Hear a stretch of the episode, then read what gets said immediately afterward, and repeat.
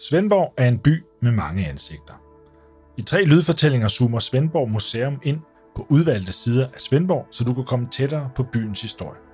De tre udvalgte sider af Svendborg er søfartshistorien, det er Alternativ Svendborg og Middelalderbyen, alle med forslag til, hvor du kan komme helt tæt på historien.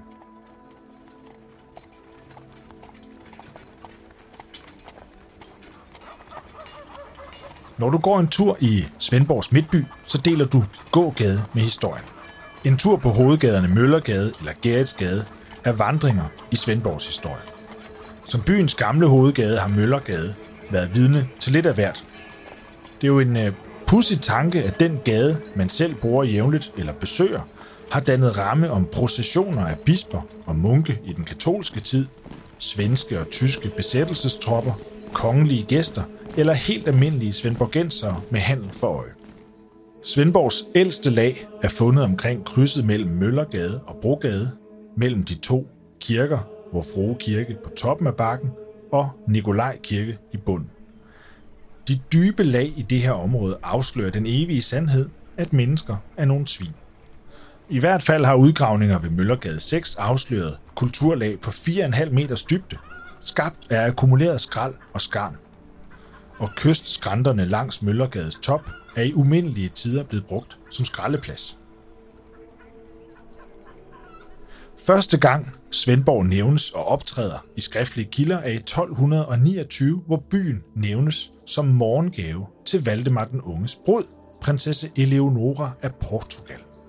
Her omtales byen som Svineburg, hvad der har startet adskillige spekulationer omkring bynavnets oprindelse. Refererer navnet til de svin, der var i de store skove omkring byen, eller de marsvin, der svømmede i vandet. Er navnet en forvanskning af Sundborg, byen ved Sundet, eller blot navnet på en borg, opført af en mand med navn Svend? Eller refererer svin til det polske ord for bugtet vand? Vi kan ikke vide det, men hvad vi med sikkerhed ved, det er, at byen opstod der, hvor Svendborgsund slår et knæk, og der er læ for vestenvinden, en god naturhavn og store skove tæt på. Svendborg er på den måde et godt eksempel på en typisk havneby med god adgang til vand. Fra hovedgaden Møllergade, der løber parallelt med vandet, så løber en række små stræder ned mod stranden. Det er et mønster, man kan se i mange andre havnebyer. Og fra hovedgaden, så har købmandsgårdene haft lange strandgrunde med egne bådebroer. Det sidste sted, man kan se de her gamle strandhaver, den gamle bystruktur, er i mudderhullet ved sejlskibsbroen, hvor fem små byhuse og købmandsgården Bogø og Riber stadigvæk har adgang til vandet fra baghaven. I mange år så troede man, at vor frue kirkebakke var blevet brugt som borgbanke for borgen Svendborg. Men der er ikke fundet nogen beviser på, at der nogensinde skulle have været en borg. I stedet ser det ud til, at Svendborg by kravlede op af bakken i første halvdel af 1200-tallet, og købstaden fik derfor sin karakteristiske bakkede fremtoning, og tungt prostende borgere har altså bestedet den her bakke i 800 år efterhånden. Det er den jo ikke blevet mindre af. Svendborg fik sine købstadsrettigheder i 1253, men havde sandsynligvis en vis bypræg inden. Altså et godt eksempel på, at byen i hvert fald ikke var bar mark, er, at Svendborg fik et kloster i 1236. Der er ikke noget af det her kloster tilbage, udover nogle enkelte gadenavne, Munkestræde, Klosterstræde og så selvfølgelig Klosterplads. Klosteret var et rigt og firefløjet anlæg med avlskov, alt sammen placeret neden for byen ud mod stranden. I forbindelse med reformationen i 1536 så overgik klosteret til byen, der blandt andet brugte bygningerne til latinskole, hospital og lazaret. Kirkegården blev brugt langt op i tid. Selve kirken blev revet ned i 1828, og da jernbanen kom til byen i 1876, så forsvandt de aller sidste klosterbygninger. Faktisk var ødelæggelserne så gennemgående, så omfattende, at Svendborgs eneste royale begravelse nogensinde, nemlig af Junker Abel Abelsøn, der døde 1279, også er forsvundet i forbindelse med etableringen af en kommunal rørledning. Det eneste, der er tilbage af ham, det er en finger. Ødelæggelserne har også været ret gennemgribende på borgruinen Ørki lidt uden for byen, der før er blevet brugt som eksempel på, hvordan man ikke skal behandle et middelalderligt voldsted. Svendborg Torv har ligesom Klosterplads middelalderlige rødder.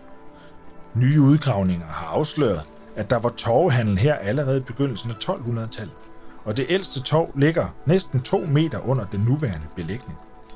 Udover store mængder af husholdningsaffald, husdyrknogler og fiskeskæld, vidner andre fund om, for eksempel tabte smykker, fingerringe og spillebrikker, om livlig aktivitet på stedet.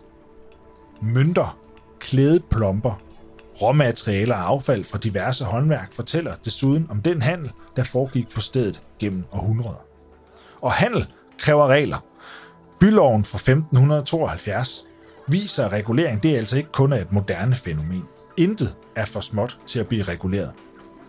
En paragraf i byloven fortæller, at man pænt skulle vente til fiskerbådene havde lagt til ved skibsbroen, før man købte fisk, i stedet for at hoppe i bådene. Den her paragraf fortæller, at man vil sørge for lige adgang til fisk, og at nogen på et tidspunkt har hoppet i bådene for at få forkøbsret. Andre regler afslører, at der var nogen, der havde efterladt ådsler i gaderne, eller tømt deres hemmeligheder, det vil sige deres toiletter, ud på offentlig vej, eller skudt ud af vinduet. Et vigtigt element i loven er, hvordan byen sørger for at minimere konkurrence. Torvehandlen var altså skarpt reguleret, og ingen fremmede købmænd måtte købe af bønderne og handlende for tidligt. Byen ser selvfølgelig helt anderledes ud i dag, end den gjorde dengang. Husene er blevet højere, gaderne brolagte, rettet lidt til og gjort lidt bredere. Lokalhistorikeren Johannes Olsen har nok sat det lidt på spidsen, når han fortæller, at Møllergade sine steder var så smal, at et læs halm på en bondevogn kunne sætte sig fast mellem husene. Og mens du går rundt og nyder idyllen, så betænk, at byen dengang både lugtede og så anderledes ud.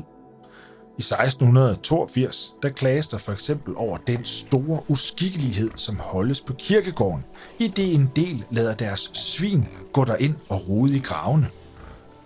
Og som klagen videre afslører, så sparede svinene ikke engang Guds hus kirken, fordi de også gik derind og med deres urenlighed ilde til svinede kirken, som der står. Det skal jo selvfølgelig stoppes. Selvom sejlads til Svendborg er lige så gammel som byen selv, så vendte den her middelalderby altså ansigtet væk fra vandet. Købmandsgården havde blikket stift rettet mod torvet, byens samlingspunkt, hvor handlen foregik. Der var ikke udsigtsvinduer mod sund. Byen ændrede først retning med industrialiseringen sidst i 1800-tallet. Havnen og jernbanen blev mere interessant end torvet. Havnen blev udvidet, og byen voksede ud af sine gamle snærende grænser. Strandhaverne blev skåret over af jernbanen, og industrien flyttede ned på havnen. På havnen bygges der i dag boliger, men profilen med de to kirker på bakken kan stadigvæk ses fra Sund.